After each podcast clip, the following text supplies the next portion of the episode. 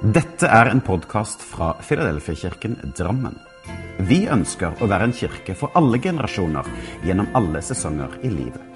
Vi håper denne talen vil skape noe godt, og at du kan finne både håp, trøst og styrke i den kristne tro. Les mer om vår kirke på filadelfiadrammen.no. Det er advent, og julehøytiden nærmer seg. Og juleevangeliet er en vakker historie som blir fortalt i desember hvert eneste år. Igjen og igjen og igjen. Og vi har alle ulikt forhold til denne historien. Noen fylles med glede og med fred når de hører om Marie og Josef, som var på vei opp til Betlehem, hvor de fant denne stallen. Man kan se for seg gjeterne som får besøk av englene, som sier 'frykt ikke, for jeg kommer med bud om en glede', en glede for hele folket. Så ser man for seg gjeterne som bøyer seg ned foran Jesusbarnet.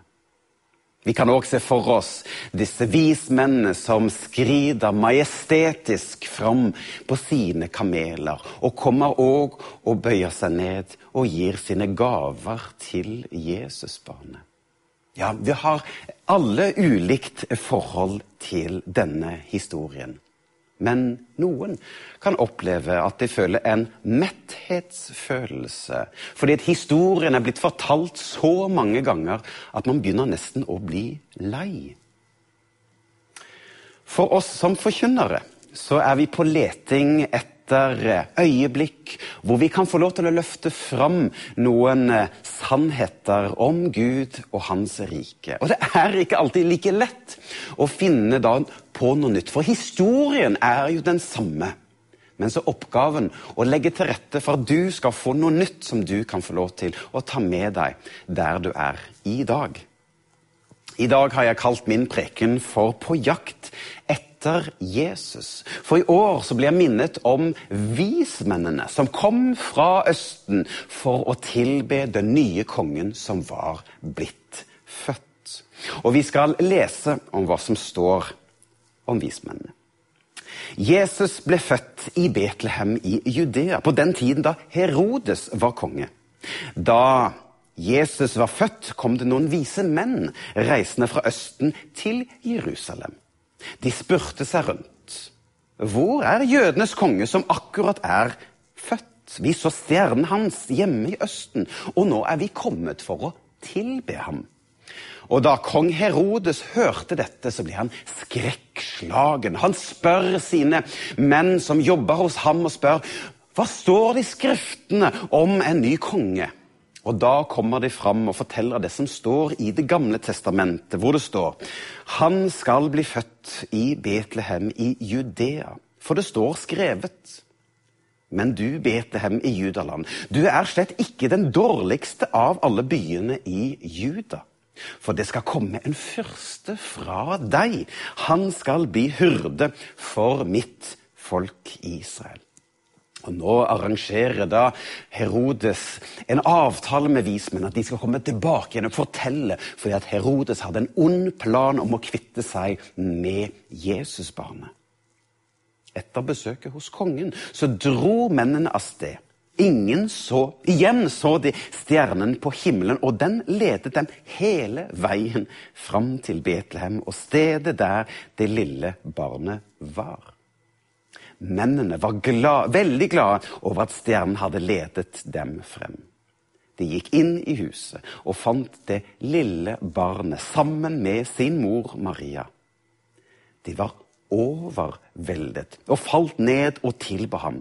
Så tok de fram noen eksklusive gaver som de hadde tatt med seg til barnet. De ga ham gull, røkelse og myrra, som er en kostbar salve.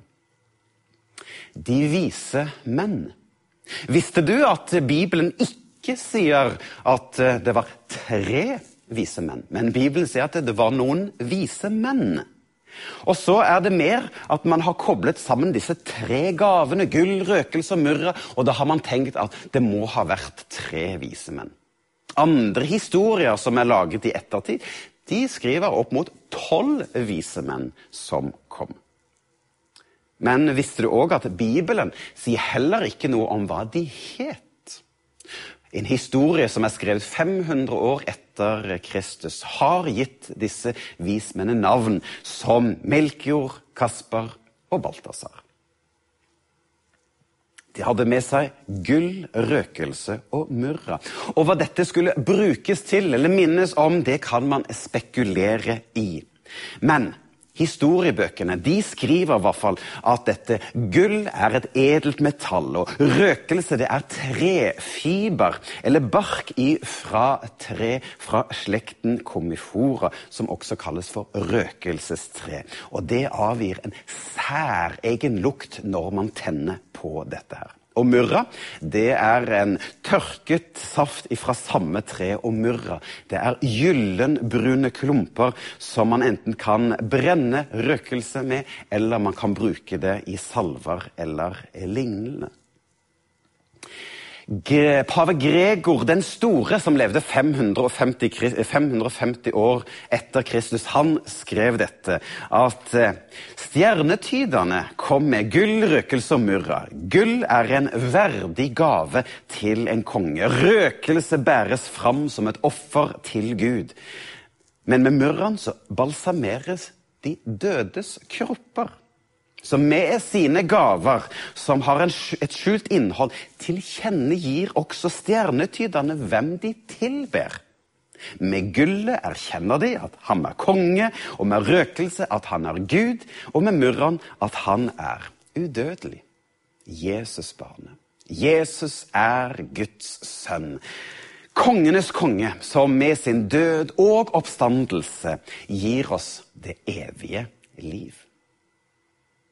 Men i dag så ble jeg opptatt av disse vismennene og deres reise. Og vi har alle vår egen trosreise. En reise som er ulik fra person til person. De var på jakt etter Jesus, for det står i teksten Vi så stjernen hans hjemme i Østen, og nå er vi kommet for å tilbe ham. Vismennene fulgte stjernen for å finne Jesus. Og jeg tenker at vi òg er på en reise for å komme nærmere Jesus. Og vi kan alle oppleve en guddommelighet i våre liv. Noen kan sense en guddommelighet, eller fornem en guddommelighet gjennom naturen. Gjennom fantastiske skap, det fantastiske skaperverket. En soloppgang eller en solnedgang. Eller hos et nyfødt barn. Eller en følelse på innsiden. Eller en lovsang. En bønn, en preken, en bok, en klem, en omfavnelse. Tilgivelse, forsoning ja, når eh, noen ber for en, eller når noen lyser velsignelsen, eller i det stille, eller i det høylytte, i takknemligheten eller i sorgen. Vi kan alle oppleve guddommelighet på ulikt sett. Og de vise menn, de fulgte sporene som de så i stjernen. På samme måte kan vi òg ledes av det guddommelige som vi kan oppleve i vår hverdag. For om du er troende eller ei, om du føler at Gud er nær eller ei, om du har det godt eller om du har det vanskelig, så kan vi likevel fornemme guddommelighet i våre omgivelser. Noen kan være små, ja, ubetydelige små. Mens andre kan oppleves store. Men alt dette er spor av det hellige. Vismennene de ga seg ikke. De må ha opplevd både vindkast og høye temperaturer og solsteiken på sin reise, kilometer etter kilometer. Men de ga ikke opp. For de ville så gjerne se denne nye kongen som var født. Og på samme måte kan du òg oppleve både oppturer og nedturer i din trosreise, i bevegelse mot Jesus. De ønsket å fullføre sin reise, og det kan du òg gjøre. For vi er invitert, alle sammen, til å komme nærmere Jesus. Jeg tror nok at vismenn òg kunne tvile underveis på sin reise. Og i hvert fall når de da kom til kong Herodes. Slik kan vi òg, ja, troende, kan òg oppleve tvilstanker. At vi kan undre oss over det som skjer, eller det som ikke skjer. Men Gud, han inviterer oss og sier, 'Kom. Ikke gi deg. Stol på meg. Jeg skal lede deg fram til Jesusbarnet i krybben.' Så jeg håper at denne tiden som ligger foran, denne advent og denne julehøytiden, skal fylles med glede og fred. At du skal få lov til å få tid til å kunne få en annerledes tid. Til å være sammen med venner, sammen med familie, de som er deg nære. At du kan få lov å slappe av litt. Men mest av alt så har jeg en bønn for deg om at denne tiden skal få lov til å være en tid hvor du kan få lov til å komme nærmere Jesus. At du kan få lov til å oppleve det hellige og det guddommelige. For Gud, han vil deg vel. Han vil at du skal bevege deg mot ham. Helt inn til Jesus. Til kongenes konge.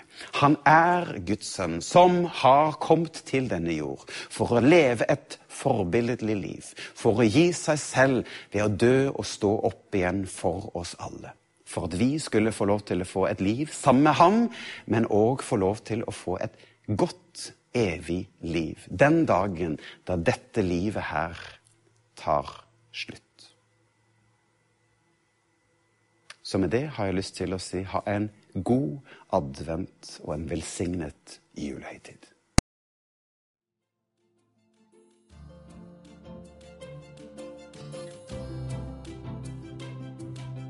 Som en avslutning på denne podkasten ønsker vi å lyse Herrens velsignelse over deg. Herren velsigne deg og bevare deg. Herren lar sitt ansikt lyse over deg og være deg nådig. Herren løfte sitt åsyn på deg og gi deg fred.